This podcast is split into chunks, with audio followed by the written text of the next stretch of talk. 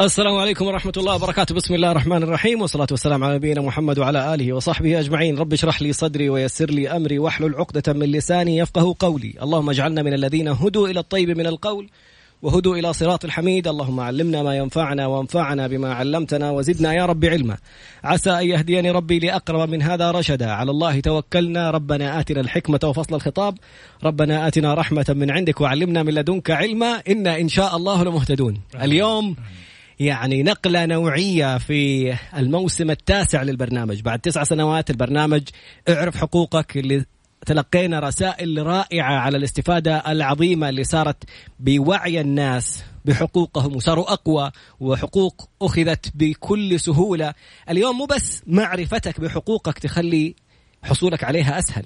التقنية الحديثة والتطور اللي صاير على منظومة المملكة بشكل كامل، التحول الوطني الرقمي الرائع، التعاون بين مختلف الوزارات، ال... ال... ما يسمى بالجهات اللي تراقب جميع أعمال الوزارات، منظومة كاملة مختلفة تماما. بالإضافة إلى الشريك في البرنامج المستشار القانوني المحكم الدولي المحامي خالد أبو راشد اليوم عندنا ضيف من العيار الثقيل. وشكرا لوزارة العدل لثقتها في البرنامج ووجود اليوم بيننا وكيل وزارة العدل المساعد للتخطيط والتطوير قائد مكتب تحقيق الرؤية الأستاذ ياسر السديس. أبو عمار شرفتنا. والله الشرف لي وشكرا لكم على الاستضافة. أبو محمد. أهلا وسهلا بك يا طراد بالسادة المستمعين وكل اللي بيتابعونا وأكيد أهلا وسهلا بسعادة المهندس آه وكيل وزارة العدل للتخطيط والتطوير قائد مكتب تحقيق الرؤية المهندس ياسر السديس. أهلا وسهلا بك سعادة المهندس. يا هلا فيك أبو محمد وشكرا لك على استضافتك وكرم أخلاقك. الله يحفظكم. اليوم مناسبة الحلقة. خلونا نتكلم بواقعية شديدة جدا. ما قبل كورونا وما بعد كورونا. اليوم وأنا تحدثت في حلقة سابقة. من بيتك بتستطيع إنك ترفع قضية. زمان كنا لازم نروح المحكمة ونقدم وتتحول على الإدارة وكذا. اليوم أنت بتترافع وأنت في بيتك أو في مكتبك. ممكن يصدر الحكم أو تكسب القضية وأنت في بيتك. اليوم ممكن أنت أيضا بتنفذ وأنت في بيتك.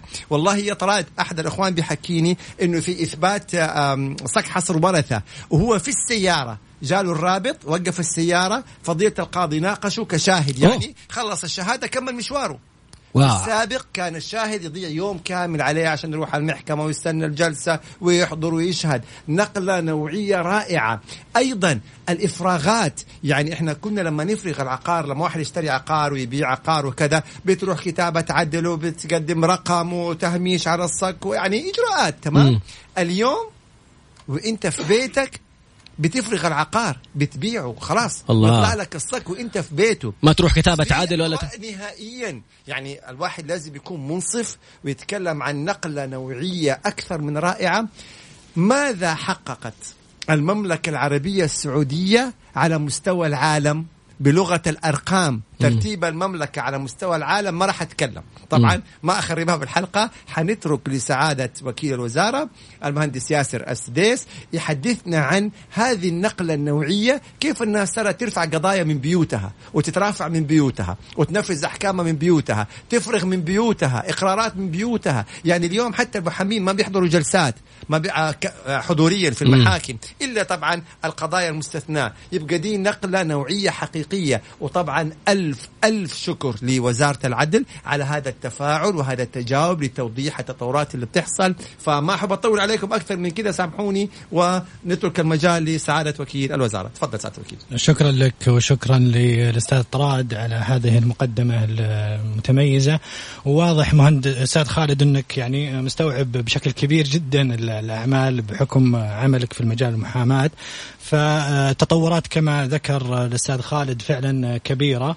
وعميقة وهي جزء من طموحات قيادة هذا البلد بقيادة خادم الحرمين الشريفين وسمو ولي عهد الأمين الذين يعني وضعوا هذه الرؤية رؤية المملكة 2030 التي أصبحت رؤية تقود التوجه تقود التطور وتنقل هذا البلد إلى فعلا يعني آفاق ومصاف الدول المتقدمة. رؤية المملكة 2030 كما يعني لا يخفى الكثير إنه لها 13 برنامج تابع لها. من ضمنها أهم وأكبر برنامج هو برنامج التحول الوطني. وبرنامج التحول الوطني هو الذي هو البرنامج الذي تتبع له وزارة العدل. هذه الرؤية التي وضعها وعرابها هو سمو ولي العهد لها ثلاثة تعتمد على ثلاثة محاور أساسية. هي أن نكون وطن طموح ونحقق اقتصاد مزدهر وأن يكون المجتمع مجتمع حيوي. وطن طموح واقتصاد مزدهر ومجتمع آه، حيوي. من خلال هذه الثلاثة محاور وضعت مجموعة من من الأهداف على على عدة مستويات. المستوى الأول وضع له ستة أهداف أساسية ثم انشق من هذه الأهداف الأساسية أهداف مستوى ثاني ثم من أهداف المستوى الثاني وضعت أهداف المستوى آه، الثالث آه، الكثيرة. وهذه الأمور كلها متغيرة ومستمرة في التطوير والتعديل للوصول إلى آه، أفضل الوسائل والفرص لتحقيق طموحات المواطنين وطموحات القيادة في التحول الكبير. وزارة العدل تتبع هدف آه، هو من من أهداف الرؤية اسمه تحقيق أو آسف آه، الارتقاء بجودة الخدمات العدلية المقدمة للمواطنين. الارتقاء بجودة الخدمات العدلية المقدمة للمواطنين فلذلك أو آسف للمستفيدين حتى كلهم. فلذلك تجد أنه جميع برامج الوزارة آه، تصب في هذا الهدف. لما بدأنا البرنامج حللنا ماذا ما, ما هي التحديات التي يواجهونها المستفيدين من الوزارة؟ ما هي ما هي المعالم الرئيسية لهذه التحديات؟ وش المشاكل اللي يعاني منها المواطنين والمستفيدين من الخدمات العدلية ككل؟ وجدناها تنحصر في في زوايا أساسية آه، مثل نتكلم عن انخفاض الرضا عن مستوى آه، الخدمات العدلية.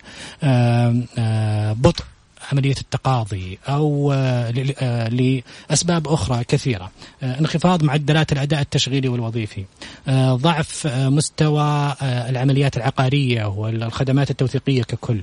ضعف التكامل مع القطاع الخاص ومع القطاع الحكومي. لا يوجد تكامل كله مخاطبات وغيره ثم تحديات التخصص والاختصاص وتنقلات القضايا وضياع الأوقات فيها. فأصبح هناك تحدي سلخ المحاكم المحاكم التجارية والعمالية واللجان شبه القضائية بناء عليه وكذلك إنشاء أحكام آه، أو اسف محاكم الاستئناف. بناء على ذلك وضعت الوزارة وأنا أريد أن أختصر لا لا أكثر في هذا الكلام التنظيري لكن آه، أجد أنه كلام مهم آه، لذلك الوزارة وضعت لها يعني ستة ركائز استراتيجية لبناء برامجها. الركيزة الأولى هي رفع الكفاءة التشغيلية للمنظومة العدلية. تحسين تجربة المستفيد كركيزة ثانية. تأهيل وتطوير الكوادر العدلية كركيزة ثالثة ثم دعم برامج التحول الرقمي ثم تعزيز قضاء التنفيذ آه، ومنظومة التوثيق والأمن العقاري ثم تطوير المحاكم التجارية والعمالية وتفعيل قضاء الاستئناف وأيضا آه، يعني نقل آه، هيئات والجان النزاع شبه القضائي الأخرى. وضع وضع للوزارة لتحقيق أهدافها سابقا 18 مؤشر ثم تم تعديلها إلى 16 مؤشر آه، يقاس فيها أداء الوزارة وتتابع من قبل مراكز خارج الوزارة مثل مركز قياس أداء الأجهزة العامة آه الذين يتابعون جميع الجهات الحكومية وليس فقط الجهات التابعة لبرنامج التحول الوطني لكن هناك متابعة خاصة لمؤشرات التي التزمت بها الوزارات والتي بناء عليها أعطيت الوزارات ميزانيات لتحقيق آه، هذه آه، المؤشرات.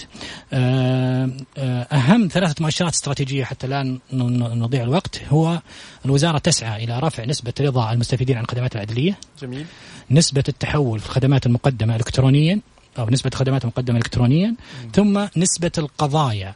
التي تنتهي بالصلح من القضايا التي يمكن إحالتها للصلح. إذا هذه أهم ثلاث مؤشرات هذه أهم ثلاثة مؤشرات استراتيجية م. الوزارة محاسبة عليها من خارجها. واو ولها الله. لها مستهدفاتها ولها كفاية الوزارة مثلا تستهدف تحقيق أنه 25% من القضايا آه تحل بالصلح. يعني ربع القضايا صلحا. طب هذا شيء جميل جدا. أو محمد أعرف أحد الأشخاص في في لجنة الإصلاح اللي ما قبل التقاضي يعني لازم يروحوا على يقول لي أكثر من نصف القضايا مو 25 هو من ناحيته من الأشياء اللي يقاسوها. أكثر من نصف القضايا يقول لك المختلفين ما تكلموا مع بعض. فلما يوصلوا تواصل فالوزارة بت... الوزارة ساعه التوكيل بتهيئ هذا الأمر بيكون لها دور رئيسي. فلذلك نعم. ال... ال... طبعا إحنا نسبة نتكلم عنها 25% من القضايا التي يمكن إحالتها للصلح. مم. زين؟ فممكن تكون النسبة صحيحة 50% لأنه في قضايا لا يمكن إحالتها للصلح. يعني مثل إثبات طلاق. آه. زين أو إنه طلقها وانتهى وغيرها من القضايا إيه. التي لا تقبل احالتها للصلح فإحنا قلنا نسبة 25% من القضايا التي يمكن احالتها للصلح فلذلك أنشأت الوزارة مبادرة. منصة تراضي سعاده الوكيل الجمهور بيتابع معانا ما شاء الله عليه. ما شاء الله. 25 صحيح في المية تحال للصلح ما شاء الله شباب. إيه. لا وبعدين آه، ولا قطعان لحديث آه، أبو عمار. الشباب الموجودين القضاة والموجودين في مراكز الصلح تدريبات رائعة في على مستوى دولي. بيرسلوا ويبتعثوا يتدربوا في أفضل المنظمات الخاصة بهذا الأمر في موضوع الإصلاح وبيرجعوا يكون عندهم تقنيات. طيب سعادة الوكيل هذه التقنية الرائعة حقيقة اللي بتعملها وزارة العدل ما كانت من يعني في يوم وليلة. كنت يعني أكيد مهيئ لها من سابق وتجهيزات وربما جات كورونا عجلت عليها. ما هي الصعوبات اللي واجهتكم؟ يعني في البدايات مثلا. فيما يتعلق بالتقنيه نفسها. جميل. آه، إذا فقط نقفل الموضوع منصة التراضي لأنه منصة التراضي هي جزء من مبادرة تفعيل منظومة المصالحة ومنصة التراضي بدأت قبل كورونا.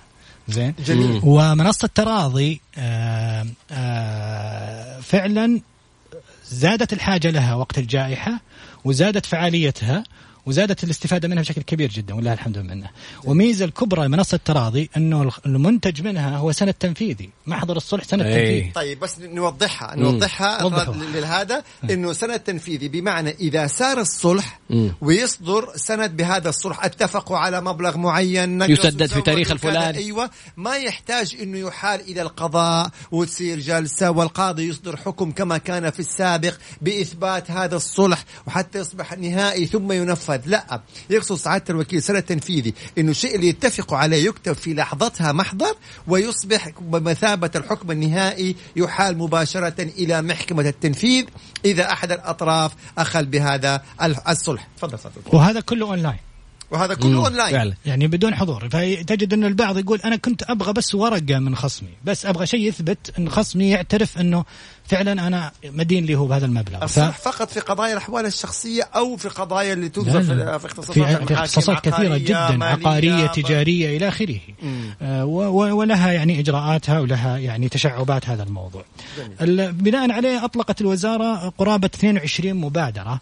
مم. هذه المبادرة كل واحدة تحتها مجموعة ضخمة من المشاريع والبرامج 22 مبادرة. 22 مبادرة على مختلف التخصصات في القضاء في التوثيق في التنفيذ في خدمات المستفيدين في الرقمنة رقمنة الثروة العقارية. أطلقت كذلك مركز الإسناد والتصفية بالتعاون مع وزارة التجارة ثم انتقلت لنا وغير ذلك. ثم وإشراك القطاع الخاص تطوير الموارد البشرية يعني مجموعة كبيرة من المبادرات. آه، يعني هذا بالمجمل ما ما تم في في في جزء من برنامج التحول الوطني. لما نجي نعرج على السؤال آه، أبو محمد المتعلق ب ماذا ماذا؟ واجهتكم من خلينا نقول يعني شوية تحديات. يعني بالضبط. هو, نعم. هو الوزارة كما ذكرنا وضعت مجموعة من البرامج والمشاريع وبدأت تعمل عليها.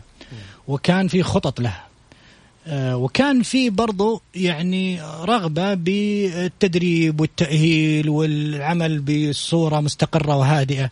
جاء جائحة كورونا لخبطت كلها. هي لخبطت العالم كله الله يسلمك. بالضبط. بالضبط. وسرعت آه، الإطلاقات بشكل عجيب جدا. رب الضارة النافعة. وكذلك يعني آه، ساعدتنا في في نقل المعرفة وتدريب الفرق وتسريع الأعمال معهم بشكل يعني قوي جدا. مما يعني خلانا يعني نستعجل في مجموعة كبيرة من الإطلاقات. الوزارة يعني بقيادة معالي الوزير الدكتور وليد الصمعاني وجه بالاستعجال في إطلاق مجموعة من من المشاريع والخدمات. من ضمنها التقاضي عن بعد من ضمنها تفعيل أكثر لتراضي من ضمنها أطلق قبل أو بدايات جائحة كورونا المزاد الإلكتروني. المنصة أوه. نافذ. حتى المزادات في هذا. كله كله إلكتروني. ومنصة نافذ لسندات لأمر. الآن حولت السندات لأمر حولت إلكترونية بالكامل. آه آه عقود الإيجار. الصك الإفراغ العقاري الإلكتروني عقود الإيجار. بالضبط. الصكوك طبعا قبل الإفراغ العقاري الإلكتروني الصكوك العقارية تحولت إلى صكوك إلكترونية. ف صارت في تسارع كبير جدا بالتغيرات. هذا نتيجته طبيعي إنك تواجه تحديات. م. تحديات تقنية من من من من الإقبال المفاجئ الكبير جدا اللي يأتي في دفعة واحدة. التحدي في التدريب تحدي في التوعية في نقل المعرفة في طريقة التعامل مع الأنظمة سواء مع القضاة مع كتاب العدل مع مع الموظفين مع المستفيدين, المست...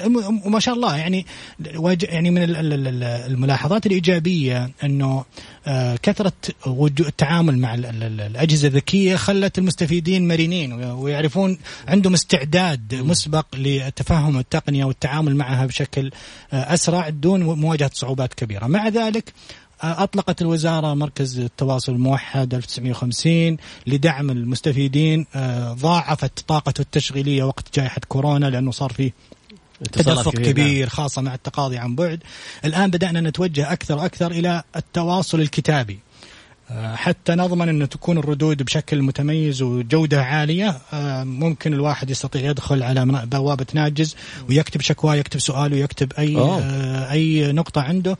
ومن خلال نظام CRM اللي هو متابعة المستفيدين يستطيع تنتقل الطلبات وتتابع وتحل مشاكل المستفيدين يعني بالكامل. نقطة جدا جدا مهمة أتمنى من المتابعين الكرام يعني ينتبهوا لها.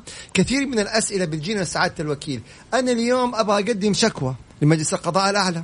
أبغى أقدم شكوى لوزير معالي وزير العدل أبغى أقدم شكوى يعني آه وارد جدا عرفت كيف م. السؤال هل يفترض أو لابد إني أنا أروح إلى مجلس القضاء الأعلى وأسافر إذا كنت في مدينة غير مثلا وأقدم أو كذا أو في آه آلية أو موقع معين ومباشرة وأنا في بيتي ممكن أقدم هذه الشكوى الوكيل آه طبعا الشكاوي على على على على طريقة إدارة العملية القضائية.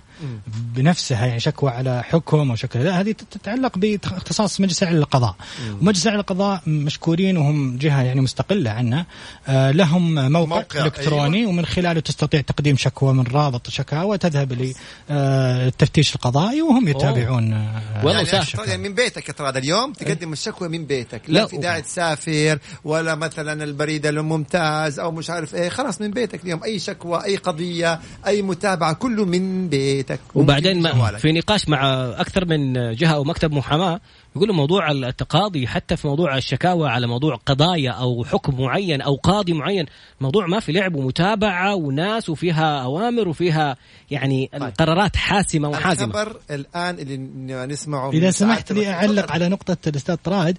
آه، أكثر من ذلك الوزارة أنشأت مركز اسمه مركز العمليات العدلي. عجيب. مركز ضخم رئيسي فيه زي الشاشات على جدار كامل في فريق يتابع هذه القراءات كلها تقرأ من ال من ال الأنظمة الإلكترونية الموجودة في الوزارة وفي 11 غرفة عمليات فرعية. ما شاء الله. في وزارة العدل. يعني ما يتكلم وزارة الداخلية. يتكلم نعم. وزارة العدل 11 غرفة عمليات. طب دورها سعاده الوكيل. والله هذه إنجازات إحنا ما إيه، نعرف عنها. هذه تراقب. لأن ممكن تجون تزورونا في, في الرياض تشوفون غرف العمليات هذه. أيه. هذه ناس جالسين قدام كمبيوترات وشاشات. يراقب أيوه. عدة مؤشرات. من ضمنها مثلا إنه موعد فتح الجلسات. أوه. آه مدد القضايا. لاحظنا إنه فيه مدد متوسط قضايا في دائرة قضائية معينة بدأ يتجاوز ال ال فهذه إحدى الغرف موجودة في المجلس الأعلى للقضاء. عند التفتيش القضائي يراقبها ويأخذ كل قراءاتها. يعني ما يعني بدون ما شكاوى يعني ما ينتظر شكاوى. يعني البعض يقول لك إنه القضية مثلا ما حد داري عنها تقعد بالسنين ما حد داري إلا إذا حد قدم شكوى فتكون في استفسار وإفادة. الآن من خلال ساعات الوكيل بيقول لك إنه آه، غرف المتابعة بدون شكاوى الآن غرفة عمليات بيتابعوا القضية هذه ليش طولت؟ القضية هذه ليش تأخرت؟ القضية من غير أنت ما أصلا تقدم شكوى. شوف فعلا المرحلة أعتقد المعلومة هذه أنا كمحامي يمكن يعني قريب من أو عملي مرتبط بوزارة العدل والله ما كنت أعرف هذه المعلومة فما بالك بالعامه يعني. يعني. هي ليس فقط إنه غرفة عمليات رئيسية غرفة عمليات رئيسية كما ذكرت فيها غرفة عمليات فرعية موجودة في مجلس القضاء غرفة عمليات لكل نوع قضاء. في غرفة عمليات القضاء التجاري غرفة عمليات القضاء الأحوال الشخصية غرفة وموجود عليها إشراف من قبل مختصين يعني في موظفين عمليات ثم في إشراف من قبل مختصين للتحقق والتحليل ومعرفة ال... وين ال... وين المشاكل فعلا. هل في مشكلة بيانات في الأنظمة؟ في خطأ في البيانات؟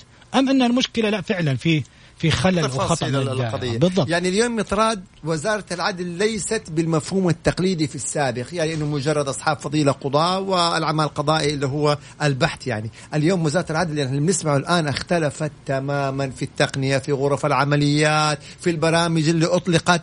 طيب ماذا إلى أين وصلت المملكة في الإفراغ العقاري؟ يعني إيش ترتيبنا سعاده الوكيل على مستوى العالم في اليوم لما نبغى نشتري عقار في أي دولة في العالم في إجراءات يعني اللي في عندهم الشهر العقاري واللي عندهم التسجيل العقاري يعني إجراءات. طيب في المملكة اليوم إحنا اجراءاتنا قياسا بالدول الأخرى. زي ما تفضل الإخوان الإنجاز والسرعة. يعني إيش ترتيبنا؟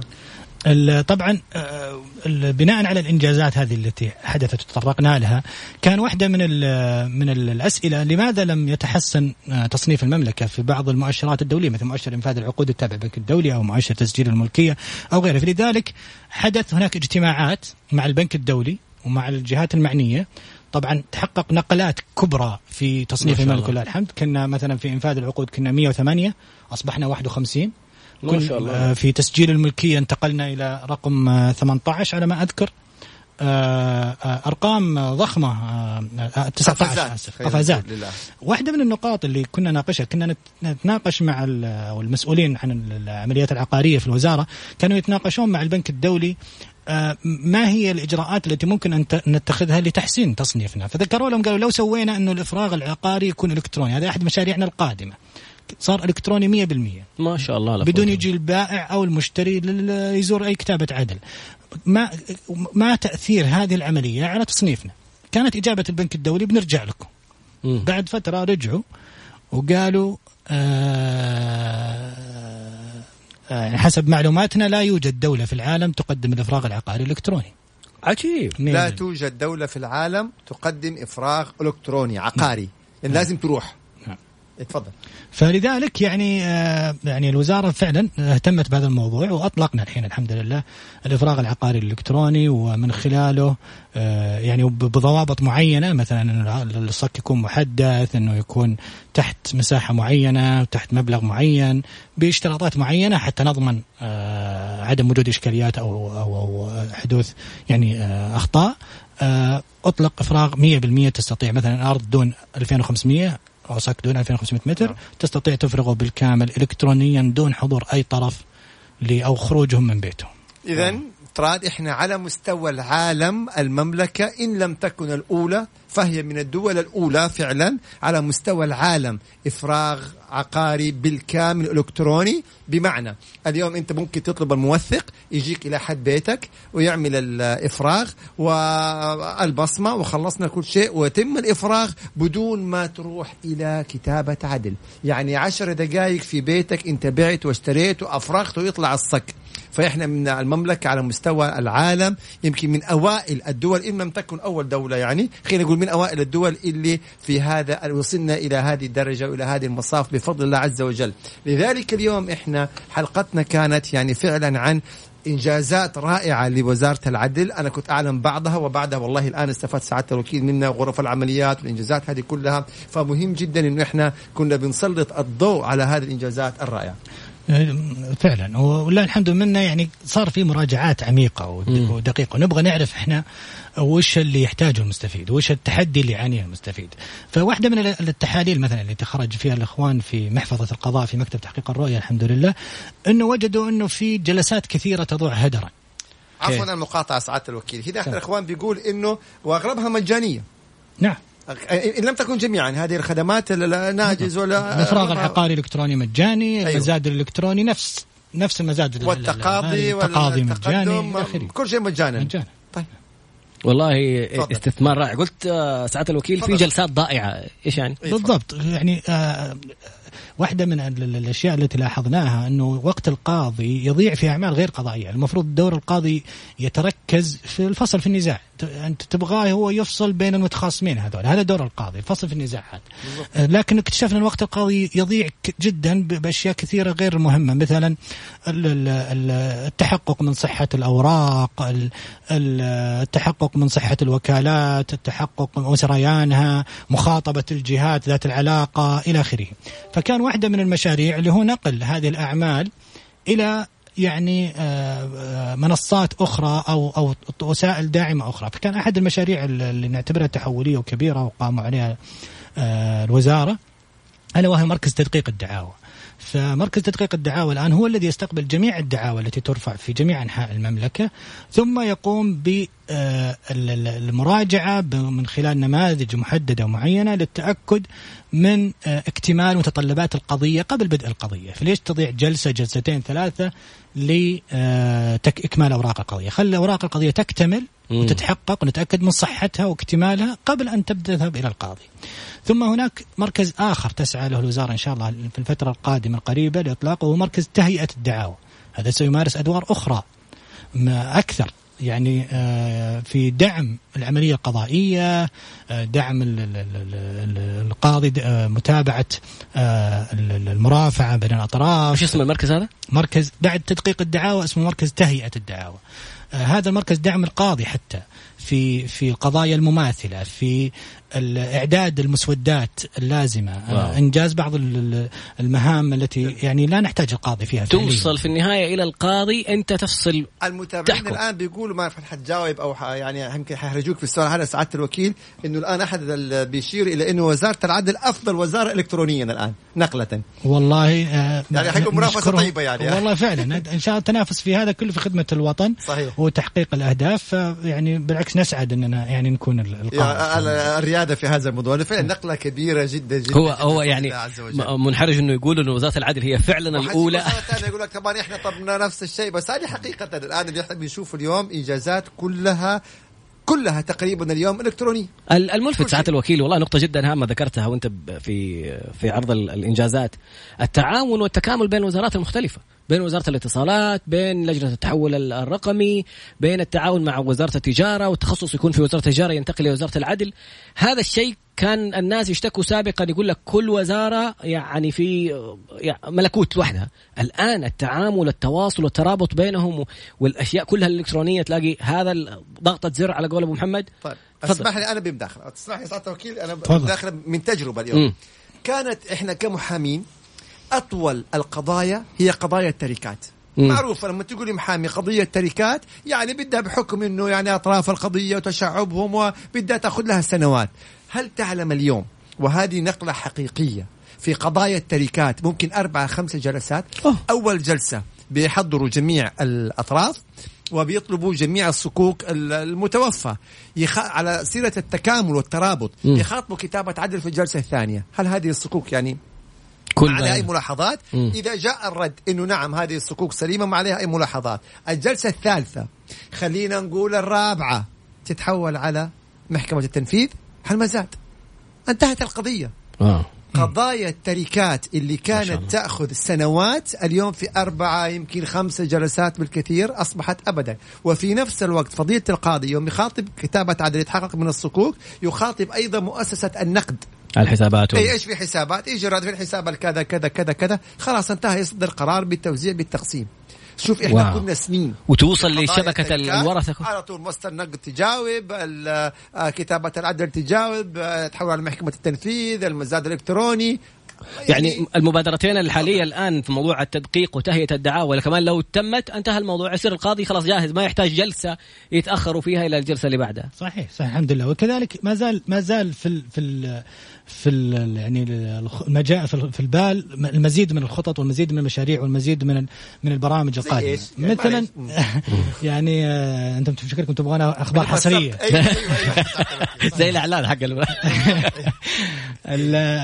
أحد الأعمال التي نرى أنه ما زال يعني آه، تحتاج آه، التركيز وتحتاج الإطلاق منصة نعمل عليها حاليا هنا منصة آه، الخبرة أو الخبراء. الخبراء. نعم. آه لأنه آه يعني اكتشفنا أنه جزء أساسي ورئيسي من آه، آه، طول المدة اللي تأخذها بعض القضايا اللي أعمال الخبرة اللازمة. كلام سليم. المقيمين. للتوضيح يعني إنه في الناس ما يرفعوا قضية مثلا محاسبية. قضيه القاضي يحيلها إلى محاسب قانوني عشان يعني يعطينا تقرير. أو مكتب هندسي. خلاف عقارية. فيحيلها إلى مكتب هندسي عشان يدرس هذا. ففعلا هذه بتاخذ طويل. بس نتوضح واحيانا واحيانا تكون جهتين أو ثلاث. يعني يحتاج يحتاج نعم. مقيم ماسح هندسي إلى آخره.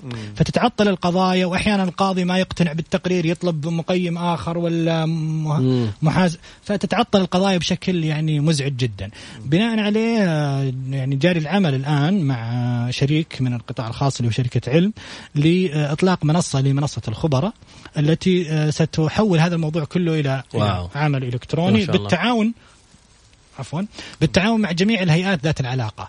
يعني مثلا لما نتكلم على الهيئة العامة آسف الهيئة السعودية المقيمين أو الهيئة هيئة المقيمين هيئة هيئة المحاسبين السعوديين هيئة السعودية المهندسين وغيرهم. كلهم نعتبرهم إحنا الجهات المعنية ب آه، بمتابعة جودة وضمان آه، دقة ومصداقية وصحة وموثوقية أعمال هؤلاء الخبراء حتى يعني ما نضيع وقت القضية وحتى نضمن أنه في جودة في الحكم. وحتى نخلي القاضي يحكم وهو مطمئن مرتاح البال. وأيضا ما يحتاج يدخل في شيء مو تخصصه يستطيع أنه يتكلم في في في في أو يحكم باطمئنان. جميل. بعد بعد قليل. السؤال نرجع. المهم جدا بعد قليل. إيه؟ هل بانتهاء جائحة كورونا نرجع للجلسات الحضورية في المحاكم؟ هل هذه التقنية فقط آه، من أجل يعني آه، كورونا. جائحة كورونا والتباعد أو إنه حتستمر حتى بعد كورونا يستمر الجلسات عن بعد. هذه بعد الإعلانات. أي. بس أنا عندي سؤال ثاني أبو محمد الله يعين أبو عمار علينا. بالخدمة. مركز قياس أجهزة الدولة. يعني هذه نقطة أول كان الناس يقول لك والله راح وزير راحت الأفكار وراحت البرامج راح يعني كل وزير له سياسة وله آلية. يعني أفكار معينة صحيح. فما دور مركز قياس أجهزة الدولة هذه ولا بعد قليل إن شاء الله يعين وعمار إن شاء الله علينا.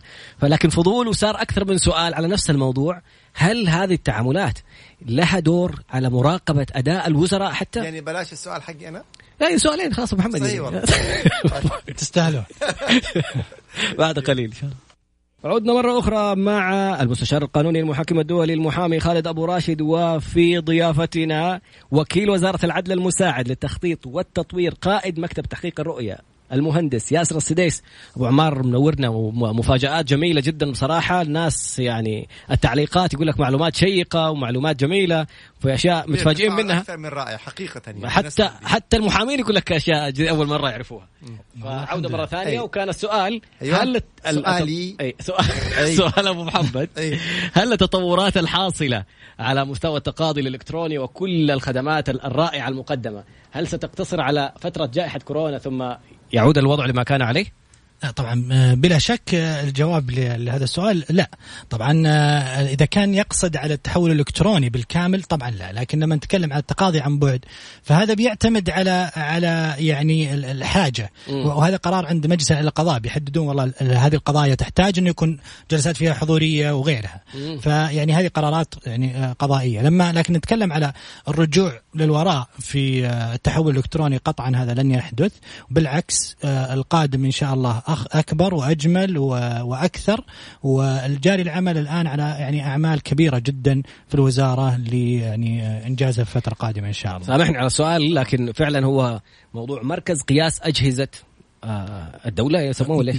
مركز قياس أداء الأجهزة العامة هذا مركز وطني آه، أنشئ ضمن المراكز الداعمة آه، وهم يتابعون جميع الجهات الحكومية وربما لو يعني أتمنى لو يكون لكم لقاء مع أحد المسؤولين الموجودين في في المركز مركز متميز صراحة ويتابعون بشكل دقيق كذلك هناك مركز برنامج التحول الوطني اللي كان اسمه سابقا مركز الإنجاز مركز الإنجاز السريع على ما أعتقد. ثم غير اسمه إلى مركز برنامج برنامج التحول الوطني يصير يتابع فقط برنامج التحول الوطني وغيرها من المراكز هناك مركز تحقيق كفاءة الإنفاق هناك آه، يعني مركز الوطني للتخصيص كل هذه مراكز آه، وغيرها أنا آسف إذا نسيت شيء منها لكنها كلها مراكز خارج الجهات الحكومية وتتابع الجهات الحكومية في تنفيذ برامجها أوه. حتى الوزراء حتى الوزارات بالكامل ما فيها ما في مجاملة. سمي. نعم. طيب سعادة الوكيل كان في من ضمن الأسئلة إنه ترقيات الموظفين هل ممكن إنها تدخل أيضا ضمن مثلا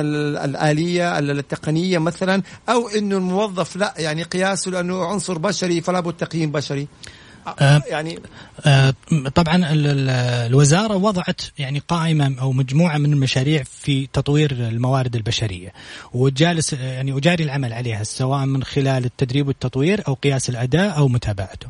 ف يعني طموح الوزارة إنه من خلال الأنظمة الجديدة إنه يتم آه، بقدر الإمكان قياس أداء الموظف الكترونيا من خلال الأنظمة آه لضمان العدالة والنزاهة والشفافية بحيث إنه نتأكد إنه حقق مستهدفات معينة وجاري العمل الآن على مجموعة من الوظائف لتحويل قياسها وتقييم أدائها بحيث إنه يكون كلها قراءات من الأنظمة.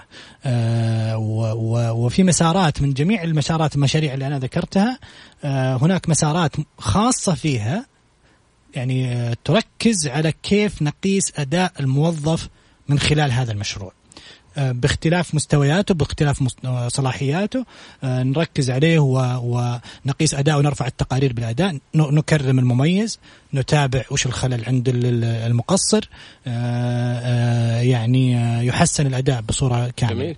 والذي لوحظ يعني إنه الحمد لله إنه بمجرد أحيانا ظهور نتائج دون دون أي مكافآت ودون أي يعني محفزات مجرد ظهور نتائج يعني تشعر روح التنافس مم. وتجد إنه في تميز في في بين بين الموظفين بين الدوائر القضائية فيما جميل. بينها بين الكتابات العدل فيما بينها فهذا اللي ذكرته أنا في تقارير مراكز العمليات مركز العمليات العدلي ما شاء الله يعني أصبح هناك يعني تنافس كبير بين آه، أصحاب الفضيلة رؤساء المحاكم آه، أصحاب الفضيلة رؤساء كتابات العدل بحيث إنه يقول آه، مثلا أول جهة يعني بدأت أعمالها صباحا كانت كتابة العدل الفلانية. أوه. فتجد إنه يشتكي رئيس كتابة العدل للمنافسه يقول أنا فتحت قبله هذا الإثبات. كيف؟ والله جميل. يعني. الآن بدون لأنه الواحد أحيانا يتعب ويسوي ويعمل بس ما في أحد يقدر له. صحيح. فلما يشوف الموضوع في سؤال بصراحة خارج النص لكن أحد الأشخاص شايفك على الكاميرا بيقول قيادات وكالات وزراء في قطاعات مختلفة كلهم شباب. الأمر الآن على العطاء مو على سنوات الخبرة ولا سنوات. إيش قدرة هذا الإنسان على عطائه؟ شايفينها بصراحة في أكثر من قطاع. وزراء وشباب ووكلاء وزارات شباب. إيش القصة؟ والله أنا اشكره إنه يعتبرني شباب الحمد لله. وهذا شيء جيد. آه يعني هم المستقبل. يعني ابدا أنا اشكر يعني أنا ما أدري كيف أجاوب هذا السؤال لكن آه بالعكس إنه في توجه للحرص على المتميز صاحب الكفاءة المنجز. آه لأنه آه الآن صارت المسألة ما تحتمل صار طموحات وتطلعات القيادة لتحقيق آه، تقدم فعلي وليس م. يعني آه، أشياء شكلية غير حقيقية فأصبحوا يهتمون بالذي سينجز. بغض النظر كان آه، شاب آه، شيخ آه، كبير سن أو صغير سن إذا كان سيقدم وبعض يعني آبائنا والكبار السن بالعكس عندهم خبرات متميزة جدا ممكن نستفيد منها وبعضهم يعني اللي عاصروا تحولات كبيرة وضخمة يعني أتوقع عندهم من الثروات المعرفية والخبرات المتراكمة التي لا يمكن الاستهانة بها. أبغى أسألك سؤال يا إيش معنى كلمة النمذجة؟ صح المصطلح؟ صحيح. النمذجة. إنك تشوف أفضل نموذج ناجح في العالم وتحاول تطبقه وتسعوده هذا النمذجة أنت يعني هذا جواب؟ كذا يعني؟ بالله رد لابو عمار رد كذا بس. هذا حتى أنا كان جديد علي. هذا يمكن حتى كثير من المستمعين النمذجة. ما علاقة النمذجة بوزارة العدل؟ طيب إيش يعني نمذجة أصلا يعني؟ طيب. طبعا ما هذا تفضل سعادة الوكيل. لو يعني هذه من إنجازات. حقيقة طيب. وزارة العدل. اسمع جواب محمد. أنت عارفه بس تبي يعني إيه، إيه، ما شاء الله. طيب. النمذجه يعني في مشروع متميز جدا تقوم عليه الوزارة الآن آه، بمشاركة آه، يعني قطاع عريض متميز من أصحاب الفضيلة القضاة والفرق الأخرى الداعمة. تتعلق بتحويل جميع القضايا إلى نماذج. آه، تستطيع تحويلها إلى حقول. آه، بحيث انها تستطيع تمر بمراحلها وأيضا يكون يسهل موضوع عملية أتمتتها ويسهل أيضا آه، يضيق المساحة التي في التطوير في التطوير والاجتهادات غير المدروسة وغيرها ذلك ف النمذجة يعني آه تم إنجاز أو قطع شوط جبار فيها وتتم مراجعتها باستمرار وتحولت إلى عمل تشغيلي وليس عمل تطويري فقط بحيث إنه باستمرار نطور هذا النموذج نغيره نعدله بما يتوافق يعني واحتياجات الناس وتطورات القضايا واختلافها النمذجة ستكون لبنة أساسية وضخمة إلى شيء آخر مختلف جبار ألا وهو الاستفادة من البيانات العدلية. الله الآن البيانات العدلية موجودة في نصوص مم. لكن لما نحول هذه النصوص إلى حقول.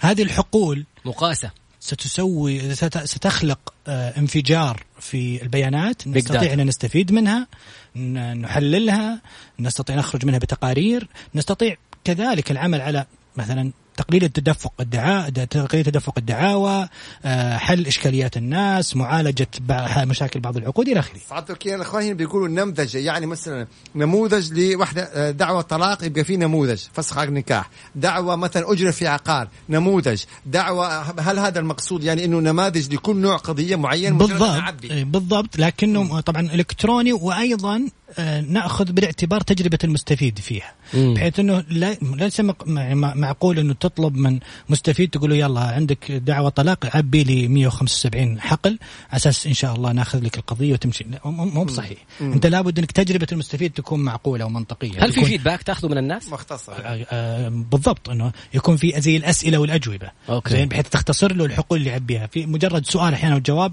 تكتشف إنه ثلاث أربع حقول ما يحتاج يعبيها. أوه، وهكذا حلو. فهذه تقلل له تكون زي التنظيم الشجري مم. اللي سؤال جواب سؤال جواب سؤال بالضبط. جواب بالنهاية خلصنا أخذنا كل المعلومات اللي نحتاجها القضية بسم الله وبعد كذا تطلع عندك داتا حالات مثلا. الطلاق أسبابها واحد اثنين ثلاثة كذا 30% حللها البيانات جميل. طيب أيضا من ضمن الاسئله سعادة الوكيل الآن بالنسبة للجلسات هل هي مسجلة أو إنه بمجرد ما ينتهي البث أو البرنامج خلاص يعني يعني مثلا لو أحد تقدم بشكوى المواطنين أثناء الجلسة ما تم ضبط ما كذا هل هي آه، يعاد. الرجوع لها مسجلة مخزنة أو طبعا آه، طبعا توثيق الجلسات أي. لما كانت الجلسات حضورية كان موجود وحسب توجيه معالي الوزير كان هناك مستهدف لتغطية جميع محاكم المملكة واو. وجميع الدوائر القضائية بالتوثيق صوت وصورة وكانت رسالة معالي الوزير إنه لحماية حق القاضي والمتقاضي. صح. في في جميع الحالات. جزئية مهمة أي جدا. بالضبط. سعادة الوكيل توثيق. يعني اليوم إحنا بنوضح للجميع اللي بيتابعونا. كل الجلسات اللي بتصير عبر وسائل ال- التواصل هي موثقة. يعني ممكن يرجعوا لها في أي وقت. الجلسات الآن اللي تصير بالروابط. يرجعوا لها في أي وقت. محفوظة. بالضبط بالضبط. وهذا وهذه يعني آه، آه، العمل عليه حتى- من باب أولى. حتى الحضورية زي ما تفضل آه، الوكيل الحضورية إنه ما بتكون الحضورية إنه موجه لا اللي قصدهم يعني. إنه التوجه إن شاء الله آه، مستقبلا إنه كل الدوائر تكون فيها توثيق لحماية الطرفين لأنه أحيانا صحيح، شخص يجي يقول لك. والله القاضي سوى. مسجل لكن الآن كلها مسجلة كلها محفوظة كلها تمام طيب سعاده الوكيل بالنسبة اللي ما عنده أبشر هنا اسباب بيسألوا يقول أنا تابع ما عندي أبشر طيب لو بدي أرفع قضية عض الولي مم. آه وارد إيذاء آه كذا هذه فعلا آه، أحد تحديات الهويات ودخولها والان في عمل آه، كبير آه، بين ال- الوزارة والإخوان في هيئة البيانات والذكاء الاصطناعي ال- ال- ال- الذي يتبع لهم مركز المعلومات الوطني. ومشكورين كانوا داعمين جدا لمعالجة وضع أنواع متعددة جدا من الهويات التي كانت فعلا تواجه مشكلة في الدخول ليس فقط لخدمات وزارة العدل وإنما لخدمات جهات أخرى كذلك. ويعني آه، تباعا خلال ال- ال- الأشهر والأس- والأسابيع القادمة ستحل إشكاليات آه، أنواع متعددة من الهويات من ضمنها كذلك تمثيل الشركات يمكن الممثل الشركة إبلاغه. بالضبط هذا هذا ب- ب- ب- ب- بجهة أخرى لكن من ناحية الهويات نتكلم على مثلا المنتهيه إقاماتهم ال- ال- الخليجي ال- المستثمر الأجنبي الذي ليس إلى آخره. مجموعة من الهويات التي لم تكن تستفيد من خدمات ناجز لمعوقات معينة فالإخوان آه، يعني في هيئة البيانات والذكاء الاصطناعي يعملون الآن مع الوزارة لحل هذه الإشكالية. حل هذه الأمور. طيب. النقطة الثانية إيش التحديات؟ هل واجهتوا تحديات من تعامل فرق العمل ولا الموظفين ولا القضاة مع التكنولوجيا؟ أو المستفيدين أو أو. المستفيدين مثلا؟ آه، بلا شك ال- هناك يعني نوع من التحدي الذي أحيانا تواجهه عند التحولات مم. وهذه تستلزم إنك عند التحول إنك تعد له بوسائل إدارة التغيير. وسائل آه، التدريب والتأهيل والتهيئة لل- للانتقال للانظمه الجديدة. ال- الجميل في الأمر إنه آه، يعني تعامل الناس مع ال- الأجهزة الذكية سهل هذه العملية وسهل التعامل والانتقال السريع للتحولات التقنية المتقدمة المتكررة. ويعني آه، المستفيدين كانوا أبرز صراحة في ذلك. يعني آه، ما واجهنا معهم في أي إطلاق يعني من التحديات الكبيرة. وهذا أقوله مع وجود مراكز التواصل التي تسمح للناس بالتواصل لدعمها وحل إشكالياتها في فيما تواجهه. كان في البداية سعاده الوكيل بيقولوا إنه آه، ربما لا زالت يعني إنه بعض المشاكل بتواجه بعض المتقاضين مثلا رسالة الجلسة بتأتيهم بعد انتهاء الجلسة أو مثلا يعني الرابط ما بيكون يعني شغال بيصير تأجيل الجلسات. في البداية كانت في هذه العقبات. ف البدايات لابد أن يشوبها بعض الإشكاليات والتحديات م. والوزارة يعني فعلا أقرت بوجود مثل هذه الإشكاليات وعملت مباشرة على حلها ومتابعتها م. أعتقد لله الحمد منه في الفترة الأخيرة يعني قلت كثير جزء كبير من نعم. هذه الإشكاليات نعم. وباستمرار الوزارة تراجع وتتابع ويعني تحاول أن تطور حلولها التي قدمتها للوصول إلى خدمة آه، سهلة الاستخدام مستقرة آه، لا تعاني من الانقطاعات والمشاكل آه، وهذا تحدي مستمر ونأمل إن شاء الله من وزارة العدل في التحول الرقمي يشكرون عليه الإخوان هنا بيتابعوا. يمكن من الجهود الجبارة سعادة الوكيل أنه لما جاءت فترة توقف كورونا طبعا نقول آلاف القضايا توقفت بسبب كورونا. مم. فلما جينا فترة أتذكر بعد العيد تحديدا وفتح باب قبول تقديم الدعاوى. أصبح هنالك آه، جلسات متراكمة بالآلاف وفي نفس الوقت بتستقبل وزارة العدل جلسات جديدة بالآلاف. واو. فأنت عشان كيف في نفس الوقت يعني تعالج المتراكم وتستقبل الجديد. كان حقيقة يمكن ضغط حقيقي واجهته. فعلا فعلا. كان تحدي والوزارة شكلت له مجموعة من الفرق وال... ولمتابعته ومعالجته. ولا هو كان فعلا فترة فترة فترة تحدي كبيرة جدا. وجميع الجهات يعني عانت من نفس الموضوع بسبب هذه الجائحة التي نسأل الله سبحانه وتعالى أن يرفعها عنا وعن آه حسب في معلومة صح أقولها أو لا ولكن انتشرت يعني إنه كان العمل حتى في المساء. يعني كان بالنسبة للقضاء وزارة العدل يعني نهارا مساء على هذه الأعمال بالضبط يعني آه، يعني بعض الجهات آه، يعني قلت أعمالهم أو بعض الشركات لكن في الوزارة الإطلاقات المتتالية والحاجة لمتابعة الأعمال بهذه الطريقة استلزمت انه إنه الجميع يعمل بأوقات آه، طويلة وبالويكندز أو نهاية الأسبوع عجيب. لإنجاز هذه الأعمال بالصورة الصحيحة وبما يليق بسمعة الوطن وسمعة والله الوطن. أنا جدا تحمست على موضوع الزيارة لغرف العمليات وتصوير الموضوع هذا وتوثيقه لأنه فعلا في أشياء يا أخي لازم نعرفها. إنه خلي خلي الناس كلها تعرف إيش إيش المجهود الكبير اللي ساير عشان الواحد يطمئن لأنه هذه النقطة بس مو مجرد على المواطنين والمقيمين. أنت على مستوى العالم الاستثمار الخارجي بكرة والناس كانت من الأشياء اللي تعتبر تحديات موضوع التقاضي. فلما أشوف كل التكنولوجيا والتطور اللي ساير هذا هذا يجذب مستثمرين ويجذب أشياء كثيرة. في قضية ثانية أو في شهر خمسة خمسة في تاريخ خمسة خمسة حتصير لجنة لتحويل الأراضي اللي بالوثائق إلى إلى تحويلها إلى صكوك. فهل هذه تابعة لوزارة العدل ولا لجهة أخرى؟ لا ليست تابعة تمام. أيضا أيضا تراض الفكر التقليدي لوزارة العدل، مم. يعني إحنا يمكن على مر السنين وزارة العدل وهذا في وقتها كان هذا الطبيعي. يعني أصحاب فضيلة قضاء ومحاكم ويعني وآلية الصكوك اليدوية. وهذه وزارة انت العدل. انت مخضرم من أيام ما شاء الله. بعدين بدأنا في رد لك حقة النماذج لا يعني شوف عشان نتكلم بالمنطق يعني اطراد تمام. حتى مو إلى قديم يعني إلى إلى عدة أشهر. كان عشان عندك جلسة بتضطر تاخذ سيارة أو ست مواصلات وتروح المحكمة وتنتظر طبعا موعدك ولما تصير الجلسه لو في مدينة ثانية. تنتهي الجلسة وتوقع محضر الضبط تمام. يومك راح يومك راح. ما في. مجال. أيوه زي ما تفضلت إذا عد جلستك في في مدينة أخرى. يلا وسيلة سفر وقبلها بيوم وفندق وتحضر الجلسة وبالتالي ضاع عليك يوم يومين. هذه حقيقة. مم. اليوم وإنت في نصف ساعة آه، في بيتك أو في سيارتك آه، إذا وقفتها طبعا شكو قانونيين أو في عملك آه، حضرت الجلسة وفرت هذا العناء الكبير كله. اليوم مين يتوقع أن وزارة العدل عبارة عن خلية عمل تقنية؟ غرفة عمليات إحنا دائما نسمع غرفة العمليات في الداخلية غرفة عمليات في المرور يعني طبيعي في الأجهزة اللي تتطلب تتطلب ذلك. ولكن اليوم في وزارة عدل وتتكلم هذا الحجم الكبير وهذا الإنجاز من التقنية يعني حقيقة هذه نقلة. إحنا أحيانا يعني بننتقد العمل للمصلحة العامة ولكن الإنسان لا يكون مجرد والله بس الجانب السلبي أو النقد يعني يلا نقد. أيضا الجانب الإيجابي من حقهم علينا نحن نشير إلى هذا الجانب الإيجابي الكبير. أنا كنت بحكم أني كمحامي من ضمن زملاء المحامين بنحضر وزارة العدل كنا بنشوف حتى معاناة المرأة أحيانا. مم. اللي ما عندها سيارة وتأخذ أجرة وتروح دعوة أحوال ولو تأجلت ولا تأجلت ترجع ثاني وسنين تأخذ هذا الأمر من المعاناة الحقيقية. الآن على جوال اليوم المرأة في بيتها بترفع قضية يطراد أيضا الشيء اللي يمكن البعض ما بينتبه له حتى آه، في السابق لجنة الصلح أو مكتب الصلح أو الإصلاح تمام؟ كانوا بيروحوا للزوج والزوجة إذا دعوى فس نكاح أو حضانة أو نفقة بيروحوا وبرضه يروحوا المحكمة ومقر. اليوم بالتليفون. يمكن البعض ما يعرف المعلومة هذه. أوه. تجيك رسالة على الجوال جلسة الإصلاح عندك اليوم الفلاني الساعة كذا. اليوم الفلاني الساعة كذا يتصل عليك المختص بالإصلاح.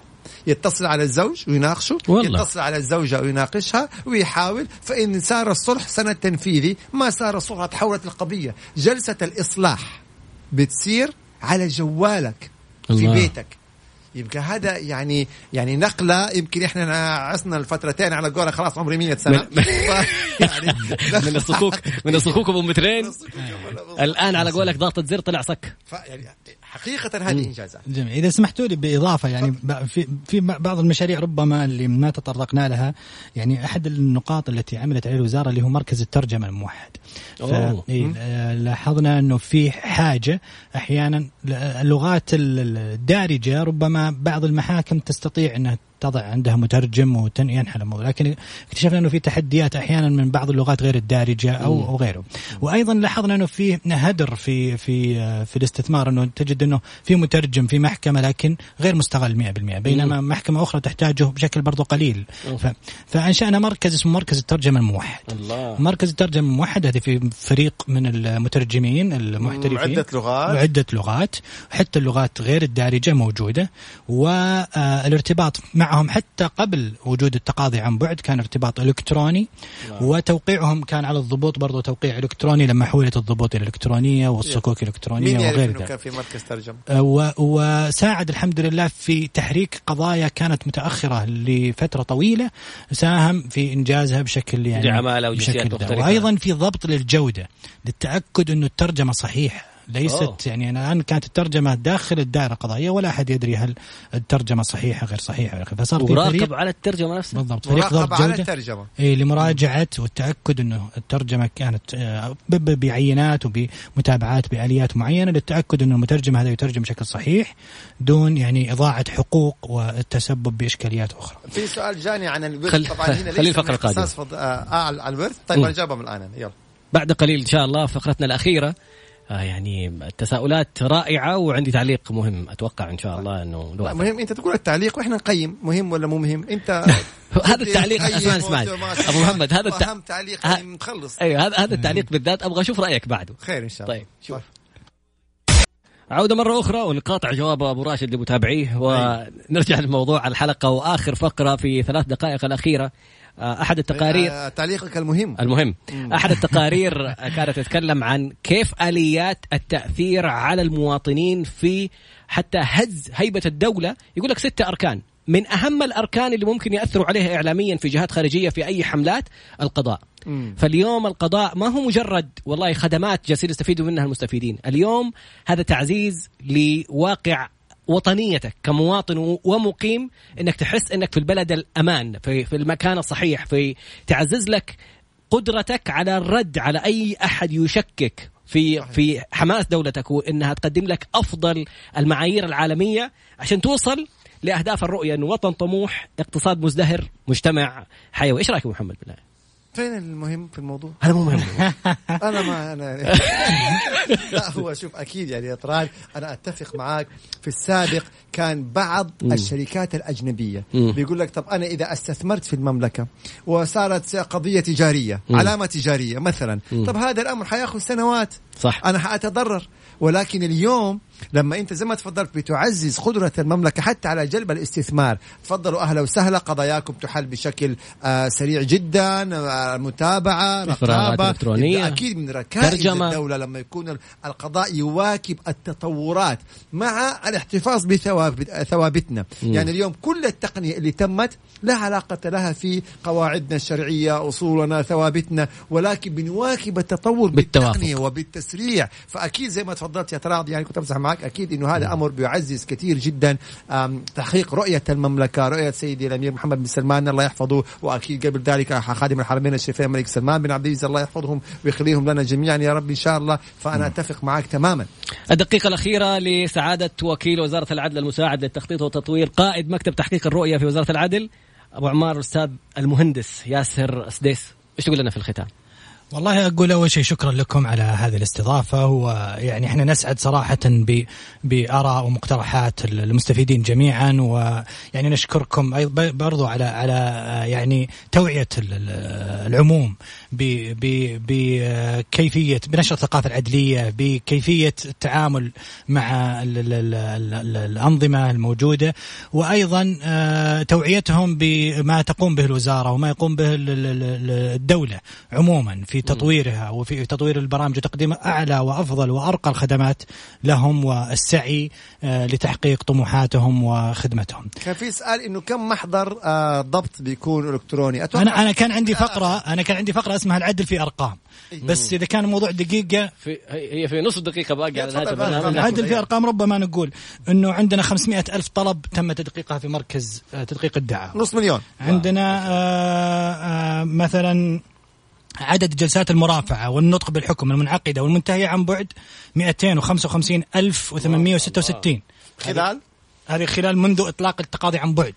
ربع مليون قضية. ربع مليون جلسة. جلسة. ربع مليون جلسة كان المفروض أنه كلها يكون بعد حضور. تحولت إلى عن بعد. عدد وثائق الصلح عن بعد 6808 آه، إذا 6800 قضية انتهت صلحا. يقول بالضبط. نعم. هذه. عن بعد. إي عن بعد. صكوك الأحكام الإلكترونية مليون وخمسمائة ألف تقريبا. مليون ونص حكم صدروا من بعد فترة كورونا. مليون ونص حكم. شوف بالضبط. الرقم. إلكترونيا. آه، عمليات الإفراغ العقاري الإلكتروني اللي ذكرناها تجاوزت 10000 عملية من منذ بدون ما. يروحوا كتابة عدل بدون ما يروحون لأي مكان. 6 مليون و800 ألف وكالة تم إصدارها إلكترونيا بالكامل. آه، إحنا في المملكة 30 مليون. نسمة 6 مليون وكالات. تمت في فترة آه، بعد كورونا. أكثر من مليار ريال حجم مبالغ السداد التي تمت واو. عن بعد سداد إلكتروني 100% دون حضور لا طالب التنفيذ ولا منفذ ولا. شيك مصدق وشيك مصرفي ابدا بالضبط هذه يعني هذه نبذة يعني آه، عامة كذلك آه، 2 مليون تواصلوا مع مركز التواصل الموحد 1950 واو، ما شاء الله. آه، أكثر من 45 مزاد إلكتروني فقط في فترة الإطلاق وهي فترة أشهر قليلة تجاوزت المبالغ المنفذة من خلالها إلى 320 مليون ريال ولله الحمد. 37 ألف سند مفرد و31 ألف سند متعدد صدرت من خلال منصة نافذ للسندات الأمر الإلكترونية اللي من خلال منصة نافذ. هناك 120 خدمة أكثر من 120 خدمة إلكترونية تقدم من خلال منصة ناجز وشكرا لكم. يعني خير الختام لغة الأرقام تتحدث عن نفسها. شكرا وزارة العدل. شكرا سعادة المهندس. شكرا شكرا لكم. شكراً. شكرا على القافية. سبحانك اللهم وبحمدك أشهد أن لا إله إلا أنت أستغفرك وأتوب إليك. كانت هذه الحلقة اعرف حقوقك مع المستشار القانوني والمحكم الدولي خالد أبو راشد. وضيفنا اليوم وكيل وزارة العدل المساعد للتخطيط والتطوير قائد مكتب تحقيق الرؤية. المهندس ياسر سديس أبو عمر شكرا جزيلا. أتحفتنا بمعلومات رائعة. شكرا لكم. محدثك طلال بسنبل استودعك الله في أمان الله.